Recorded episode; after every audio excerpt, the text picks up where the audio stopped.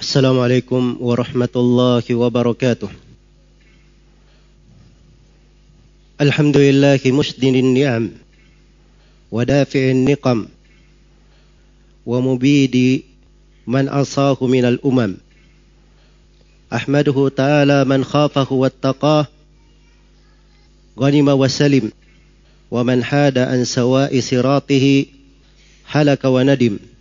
وأشهد أن لا إله إلا الله وحده لا شريك له الواحد الأحد الذي علم بالقلم علم الإنسان ما لم يعلم وأشهد أن محمدا عبده ورسوله المبعوث رحمة لسائر الأمم صلى الله عليه وعلى آله وسلم تسليما كثيرا أما بعد kaum muslimin jemaah Jumat rahimani wa rahimakumullah.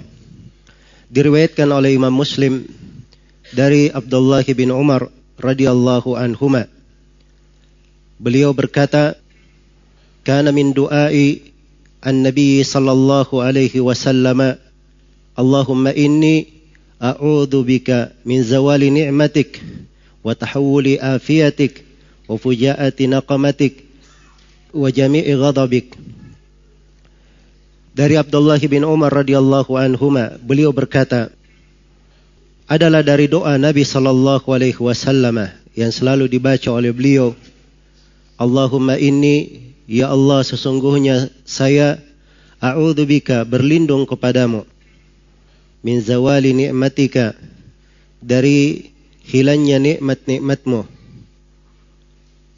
wa tahawuli afiatik dan dari perubahan afiatmu pergantian afiatmu. Wa fujaati naqamatik dan dari kesegeraan siksaan dan balasanmu. Wa jami'i sakhatik dan saya berlindung dari segala kemurkaanmu. Di dalam doa yang agung ini doa yang biasa dibaca oleh Nabi sallallahu alaihi wasallam perlindungan dari empat perkara perlindungan dari empat hal yang apabila seorang hamba dilindungi dari empat perkara ini, maka itulah segala kebahagiaannya di dunia dan di akhirat. Dan apabila empat penyakit ini menimpanya, maka kebinasaan dan kecelakaan akan menimpanya. Akan selalu bersamanya. Maka perhatikanlah dari doa yang agung ini kalimat-kalimat yang ringkas dari Rasulullah sallallahu alaihi wasallam sebagaimana umumnya doa-doa yang beliau ajarkan. Kata Ibnu Umar, "Kana min du'ain Nabi sallallahu alaihi wasallam" adalah dari doa Nabi sallallahu alaihi wasallam.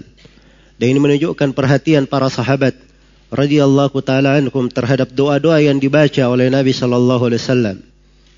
Mereka memperhatikannya, menghafalkannya dan mengamalkannya. Di awal doa dikatakan Allahumma. Artinya ya Allah. Dan ini terdapat pada banyak doa di dalam Al-Quran maupun di sunnah Rasulullah Sallallahu Alaihi Wasallam. Di mana seorang ketika dia berdoa, dia menyebut dari nama Allah Subhanahu Wa Taala. Ya Allah, Allahumma asalnya dari kata Ya Allah, kemudian ditambah huruf mim di belakangnya yang menunjukkan ta'zim, pengagungan kepada Allah Subhanahu wa taala. Dan dari kaidah syariat dan fikih di dalam doa bahwa seorang hamba apabila dia berdoa dia menyebut dari asmaul husna yang mencocoki doanya sebagaimana perintah Allah di dalam hal tersebut walillahil asmaul husna fad'uhu biha milik Allah lah nama-nama yang maha husna, berdoalah kalian dengannya. Dan menyebut asmaul husna di awal doa itu bagian dari sebab dikabulkannya doa. Sebab doa itu diterima di sisi Allah Subhanahu wa taala.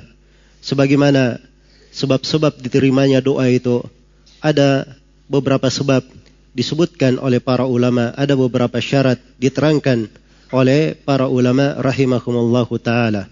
Qalu syurutud du'ail mustajabi lana ashrun biha basyirid da'i bi iflahi taharatun wa salatun ma'huma nadamun waqtun khusyu'un wa husnud dhanni ya sahi وحل قوت وأن لا يدعى بمعصية واسم يناسب مقرون بإلحاه Para ulama berkata syarat doa yang mustajabah ada sepuluh. Dengan sepuluh syarat ini beri kabar gembira kepada siapa yang berdoa, doanya akan dikabulkan. Akan penuh dengan keberuntungan. Yang pertama, dia bertahara, dia bersuci, beruduk ketika dia akan berdoa. Sebagaimana dia sucikan dari hatinya. Yang kedua, dia bersalawat di awal doanya dan di akhirnya. Kemudian yang ketiga, doanya disertai dengan penyesalan, tobat kepada Allah Subhanahu wa taala. Kemudian yang keempat, dia berdoa di waktu-waktu yang mustajabah. Kemudian yang kelima, dia berdoa dengan khusyuk. Kemudian dia yang keenam, dia berbaik sangka kepada Allah di dalam doanya. Kemudian yang ketujuh, dia menjaga dirinya makan dengan makanan yang halal. Kemudian yang kedelapan, dia tidak berdoa dengan doa yang maksiat. Kemudian yang kesembilan, dia menyebut dari Asmaul Husna yang mencocoki dari doanya. Dan yang kesepuluh, dia berdoa dengan penuh ilhah, penuh permohonan kepada Allah Subhanahu wa taala. Maka ini pokok di dalam doa sehingga doa itu bermanfaat dan doa itu lebih pantas untuk dikabulkan dan lebih pantas untuk diijabah oleh Allah Subhanahu wa taala. Allahumma penyebutan nama Allah yang mencakup seluruh dari asmaul husna sebab nama Allah adalah alismul a'zam nama yang terbesar yang kandungannya mencakup seluruh dari asmaul husna. Dia memohon kepada Allah Subhanahu wa taala. Sini datang permohonannya dalam bentuk perlindungan. Allahumma inni a'udzubika ya Allah sesungguhnya saya berlindung kepada engkau. Dia menyatakan dirinya selalu dia berlindung kepada Allah. A'udzu bika artinya a'tasimu bika. Wa alja'u ilaika. Saya berpegang kepadamu, selalu kembali kepadamu, berteduh di bawah lindunganmu. Dan kata saya berlindung kepada engkau ya Allah. Terdapat di dalamnya berbagai jenjang penghambaan yang hendaknya dihadirkan dan diperhatikan oleh seorang hamba. Di antara jenjang penghambaan tersebut terdapat makna keikhlasan. Dia hanya berlindung kepada Allah Subhanahu wa taala. Yang kedua, terdapat makna as-thiqa wal i'timad billah. Dia percaya dan bersandar kepada Allah Subhanahu wa taala. Yang ketiga, terdapat makna tawakal kepada Allah Subhanahu wa taala. Yang keempat, terdapat makna dia selalu mengharap kepada Allah Subhanahu wa taala. Yang kelima terdapat makna khauf, dia takut kepada Allah Subhanahu wa taala. Yang keenam terdapat makna mahabbah, dia selalu cinta kepada Allah Subhanahu wa taala untuk selalu kembali kepadanya. Dan yang ketujuh terdapat makna dia selalu fakir kepada Allah Subhanahu wa taala, perlu kepadanya.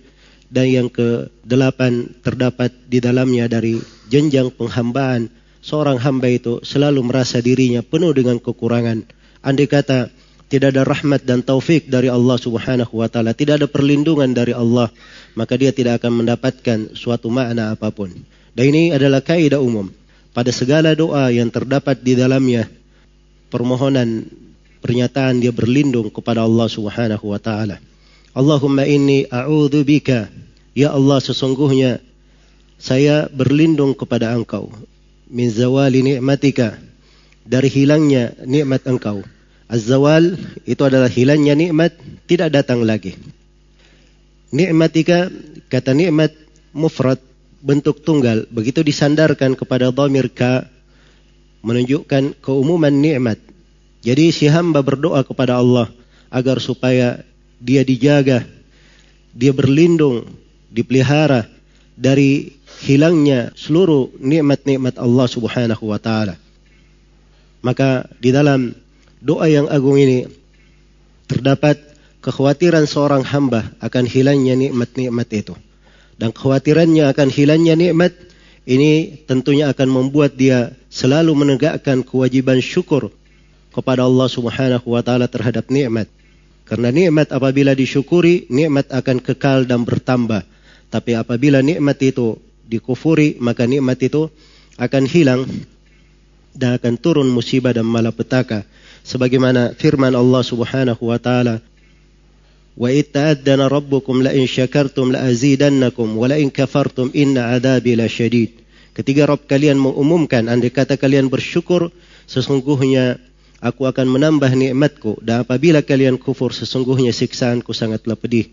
Dan Allah subhanahu wa ta'ala berfirman, ما يفعل الله بأذابكم إن شكرتم وآمنتم وكان الله شاكرا عليما Allah tidak perlu menyiksa kalian sepanjang kalian itu bersyukur dan beriman. Sesungguhnya Allah Subhanahu wa taala Maha mensyukuri perbuatan hamba, menerima siapa yang bersyukur dan Maha mengetahui. Dan Allah Subhanahu wa taala berfirman, "Innallaha la yughayyiru ma biqaumin hatta yughayyiru ma bi anfusihim." Sesungguhnya Allah tidak merubah keadaan satu kaum sampai mereka sendiri yang merubah keadaannya. Dan Allah Subhanahu wa taala mengingatkan, "Wa ma asabatkum min musibah fa bima kasabat aydikum." Apa yang menimpa kalian dari musibah itu disebabkan karena perbuatan tangan-tangan kalian sendiri. Maka penjagaan terhadap nikmat itu adalah sebab yang membuat nikmat itu tetap nikmat itu terpelihara dan di dalam hadis yang agung ini terdapat kewajiban atas setiap muslim dan muslimah untuk meninggalkan segala sebab yang dengannya turun dari musibah dan malapetaka hal yang menghilangkan dari nikmat-nikmat Allah Subhanahu wa taala. Terdapat di dalam makna dari doa ini juga ketika seorang berkata Allahumma inni a'udzubika min zawali ni'matik. Ya Allah saya berlindung kepadamu dari hilangnya nikmat-nikmat Engkau. Terdapat pengagungannya terhadap nikmat-nikmat Allah dia selalu mengakui nikmat itu datangnya dari sisi Allah Subhanahu wa taala. Wa ma bikum min ni'matin faminallah. Nikmat apa pun yang ada pada kalian, maka nikmat itu semuanya dari Allah Subhanahu wa taala. Dan kata para ulama rahimakumullah taala di dalam potongan doa ini terdapat peringatan tentang kewajiban meninggalkan segala dosa dan maksiat. Karena dosa dan maksiat itu adalah sebab yang merubah nikmat, sebab yang menghilangkan nikmat-nikmat tersebut. Ini perlindungan hal yang pertama yang kita berlindung darinya di dalam doa yang agung ini. Kemudian hal yang kedua pada kelanjutan doa dikatakan wa tahawuli afiatik dan saya berlindung kepada engkau ya Allah dari perubahan afiatmu. Tahawul perubahan berganti. Suatu nikmat berganti dengan yang lainnya. Dia tadinya sehat berganti dengan sakit. Tadinya dia dalam kondisi afiat tertimpa oleh musibah. Dalam kondisi yang baik jatuh di dalam kondisi yang jelek. Dalam sebuah ketaatan dia jatuh di dalam kemaksiatan. Maka ini perubahan afiat dari Allah Subhanahu wa taala. Dan ini adalah masalah yang sangat besar. Pembahasan yang sangat besar di dalam kehidupan seorang hamba. Karena itu kata Abu Bakar As-Siddiq radhiyallahu taala anhu dan beliau berkata ini saya ucapkan sebagaimana diucapkan oleh Rasulullah sallallahu alaihi wasallam di tempatku ini. Di mana Nabi sallallahu alaihi wasallam bersabda, "Wa as'alullah al-afwa fa inna an-nas lam yu'tau syai'an khairan ba'da al-yaqin min al-afiyah." Dan saya memohon kepada Allah Subhanahu wa taala maaf dan afiat. Karena manusia tidaklah mereka diberi sebuah pemberian yang lebih baik daripada afiat. Karena itu Rasulullah Sallallahu Alaihi Wasallam mengajarkan berbagai doa. Doa di antaranya doa yang dibaca di dikir pagi dan sore. Allahumma ini as'aluka al-afwa wal afiyah fid dunya wal akhirah. Wal afiyata fi dini wa dunyaya wa ahli wa mali. Ya Allah saya memohon kepadamu maaf dan afiat di dunia dan di akhirat. Ya Allah saya memohon kepadamu maaf dan afiat pada duniaku, pada agamaku, pada keluargaku dan pada diriku. Dan juga di antara doa Nabi sallallahu alaihi wasallam, Allahumma afini fi badani, Allahumma afini fi sam'i, Allahumma afini fi basari, la ilaha illa anta. Ya Allah berilah afiat kepada badanku, berilah afiat pada pendengaranku, berilah afiat pada pelihatanku. Tidak ada ilah yang berhak diibadahi kecuali Engkau. Maka ini semuanya adalah potret dari pengajaran dan pendidikan Rasulullah sallallahu alaihi wasallam untuk selalu memohon afiat kepada Allah Subhanahu wa taala. Sebab seorang hamba apabila dia selalu memohon diberi afiat oleh Allah Subhanahu wa taala. Dan apabila dia dijaga di atas afiat tersebut maka itu adalah pokok dari keberuntungannya. Pokok dari keberuntungannya. Maka di dalam hadis yang mulia ini terdapat peringatan untuk kita semua jangan sampai merubah dari nikmat-nikmat dari afiat yang Allah berikan dirubah menjadi hal yang mendatangkan bencana dan musibah dari perkara yang mengganti dari ketentuan dan nikmat Allah Subhanahu wa taala. Karena itu di antara doa yang agung yang Nabi sallallahu alaihi wasallam ajarkan, Allahumma inni a'udzu bi ridhaka min sakhatik wa bi mu'afatika min uqubatik wa a'udzu bika mink la uhsi thana'an 'alaika anta kama athnaita 'ala nafsik. Ya Allah, saya berlindung dengan ridhamu dari kemurkaanmu dan saya berlindung dengan afiat yang berasal darimu dari hukumanmu dan saya berlindung dengan engkau dari dirimu sendiri. Saya tidak bisa menghitung pujian sanjungan untukmu sesungguhnya engkau sebagaimana yang engkau sanjung terhadap dirimu. Maka ini beberapa dari hadith-hadith Rasulullah yang menjelaskan pentingnya memohon afiat dari Allah Subhanahu wa taala. Kemudian yang ketiga dari doa ini dari hal yang kita berlindung darinya wa pujaati naqamatik dan ketiba-tibaan kesegeraan pembalasanmu fujaah sebagian riwayat dibaca fajaah artinya datang tiba-tiba. Datang tiba-tiba. Tidak ada peringatan sebelumnya. Naqamatik an-niqmah itu adalah balasan terhadap perbuatan. Hukuman terhadap pekerjaan yang dia kerjakan. Maka di hal yang ketiga ini kita memohon kepada Allah jangan sampai balasannya, hukumannya dan siksaannya datang kepada kita secara tiba-tiba. Dan ini adalah sebuah musibah yang sangat besar bagi seorang hamba. Karena itu seorang mukmin dan mukminah selalu memohon kepada Allah Subhanahu wa taala untuk diberikan keselamatan, dijaga dari segala siksaan Allah Subhanahu wa taala, apalagi siksaan itu datang secara tiba-tiba. Seorang apabila ia mati tiba-tiba dalam keadaan berdosa dan bermaksiat, maka itu adalah kerugian terhadap dirinya. Apabila dia kena hukuman secara tiba-tiba, maka itu adalah kerugian untuk dirinya. Akan tetapi apabila ada peringatan-peringatan sebelum hal tersebut, maka banyak dari pintu-pintu tobat, pintu-pintu perbaikan yang bisa dibuka untuk dirinya. Karena itulah sangat besar artinya seorang itu memohon kepada Allah Subhanahu wa taala supaya dihindarkan dari siksaan Allah Subhanahu wa taala yang datang secara tiba-tiba. Kemudian di akhir dari doa ini ditutup dengan sebuah perlindungan yang sangat agung. Hal yang mencakup seluruh apa yang telah lalu dan hal yang sangat diperlukan oleh seorang hamba di dalam kehidupannya. Wa jami'i sakhatik dan saya berlindung kepada Engkau ya Allah dari segala kemurkaanmu. Saya berlindung kepada Engkau ya Allah dari segala kemurkaanmu. Apa saja dari hal yang Allah Subhanahu wa taala murka terhadap kita, kita berlindung kepadanya. Dan ini terdapat di dalamnya seorang hamba hendaknya selalu memperbaiki dari dirinya, sadar bahwa dia adalah hamba yang penuh dengan kekurangan, banyak dosa dan kesalahan banyak dosa dan kesalahan. Mungkin banyak dari perbuatannya yang membuat Robnya murka. Maka hendaknya dia berlindung kepada Allah subhanahu wa ta'ala dari hal tersebut. Memohon kepada Allah subhanahu wa ta'ala diberi maaf, diberi taubat dan pengampunan dan dia selalu memperbaiki dirinya.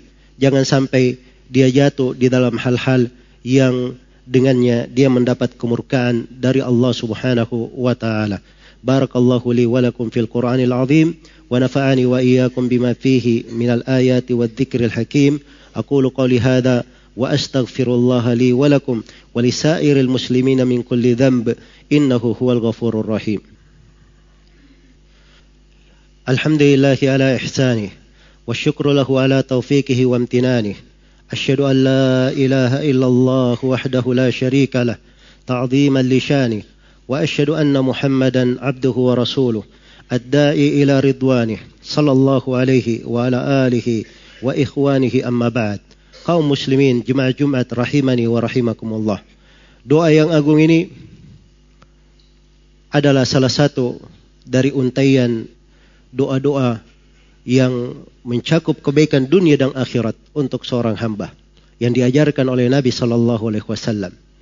Betapa kita perlu kepada kandungan dari doa ini betapa kita membutuhkan apa yang disebutkan dari kebaikan pada doa-doa yang diajarkan oleh Nabi Sallallahu Alaihi Wasallam di dalam hadits ini dan selainnya. Dan di sini ada dua hal yang banyak manusia lalai darinya terkait dengan doa-doa yang diajarkan oleh Nabi Sallallahu Alaihi Wasallam. Yang pertama, kelalaian dari sisi mempelajari doa-doa tersebut, memahami kandungan dan maknanya, serta mengamalkannya di dalam kehidupannya. Serta mengamalkannya di dalam kehidupannya. Sebagian dari manusia kadang mengucapkan, melantunkan dari doa hanya sebatas di lisannya saja. Dia tidak paham apa maknanya, tidak masuk ke dalam hatinya. Dan ini adalah hal yang tentunya akan menjadi kerugian untuk dirinya sendiri. Karena doa yang keluar dari hati yang lalai, hati yang tidak memahaminya, itu akan kurang bermanfaat, bahkan mungkin tidak akan bermanfaat untuk hamba tersebut. Karena itu hendaknya kita serius memperbaiki diri dalam hal ini dan banyak memperhatikan bagaimana doa-doa Rasulullah Sallallahu Alaihi Wasallam dan gemar di dalam mempelajari dan mengamalkannya. Kemudian yang kedua, ini adalah doa yang dibaca oleh Nabi Sallallahu Alaihi Wasallam. Sayyidul Anbiya'i wal Mursalin. Pemuka para nabi dan para rasul. Orang yang telah diampuni dosa-dosanya, yang telah lalu dan akan datang.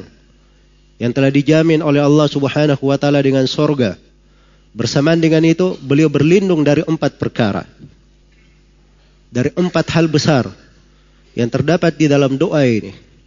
Maka jangan ada di antara umat ini yang merasa bangga dengan dirinya sendiri. Seakan dia menjamin dirinya di dalam afiat.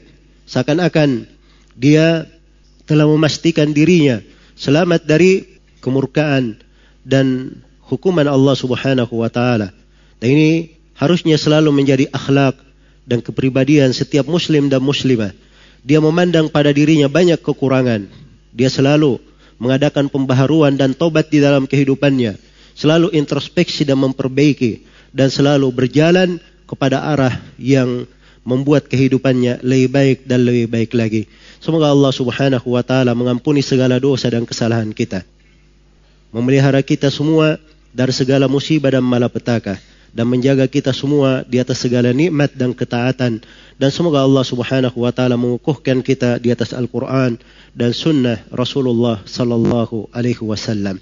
ثم اعلموا رحمكم الله إن الله أمركم بأمر بدأ به بنفسه وثن بملائكته بقدسه فقال جل من قائل إن الله وملائكته يصلون على النبي يا أيها الذين آمنوا صلوا عليه وسلموا تسليما اللهم صل وسلم على نبيك ورسولك محمد صلى الله عليه وسلم. وارض اللهم عن خلفائه الراشدين أبي بكر وعمر وعثمان وعلي وعن الصحابة أجمعين وأن معهم بفضلك وجودك وإحسانك يا أكرم الأكرمين يا أرحم الراحمين. اللهم اغفر للمسلمين والمسلمات والمؤمنين والمؤمنات الأحياء منهم والأموات. إنك سميع قريب مجيب الدعوات يا قاضي الحاجات. اللهم أرنا الحق حقا وارزقنا اتباعه وأرنا الباطل باطلا وارزقنا اجتنابه. اللهم آت نفوسنا تقواها وزكها أنت خير من زكاها أنت وليها ومولاها. ربنا ظلمنا أنفسنا وإن لم تغفر لنا وترحمنا لنكونن من الخاسرين. ربنا اغفر لنا ولإخواننا الذين سبقونا بالإيمان ولا تجعل في قلوبنا غلا للذين آمنوا. ربنا إنك رؤوف رحيم. ربنا آتنا في الدنيا حسنة وفي الآخرة حسنة وقنا عذاب النار. عباد الله إن الله يأمر بالعدل والإحسان وإيتاء ذي القربى وينهى عن الفحشاء والمنكر والبغي. يعظكم لعلكم تذكرون. فاذكروا الله العظيم الجليل يذكركم واشكروه على نعمه يزيدكم ولذكر الله أكبر والله يعلم ما تصنعون.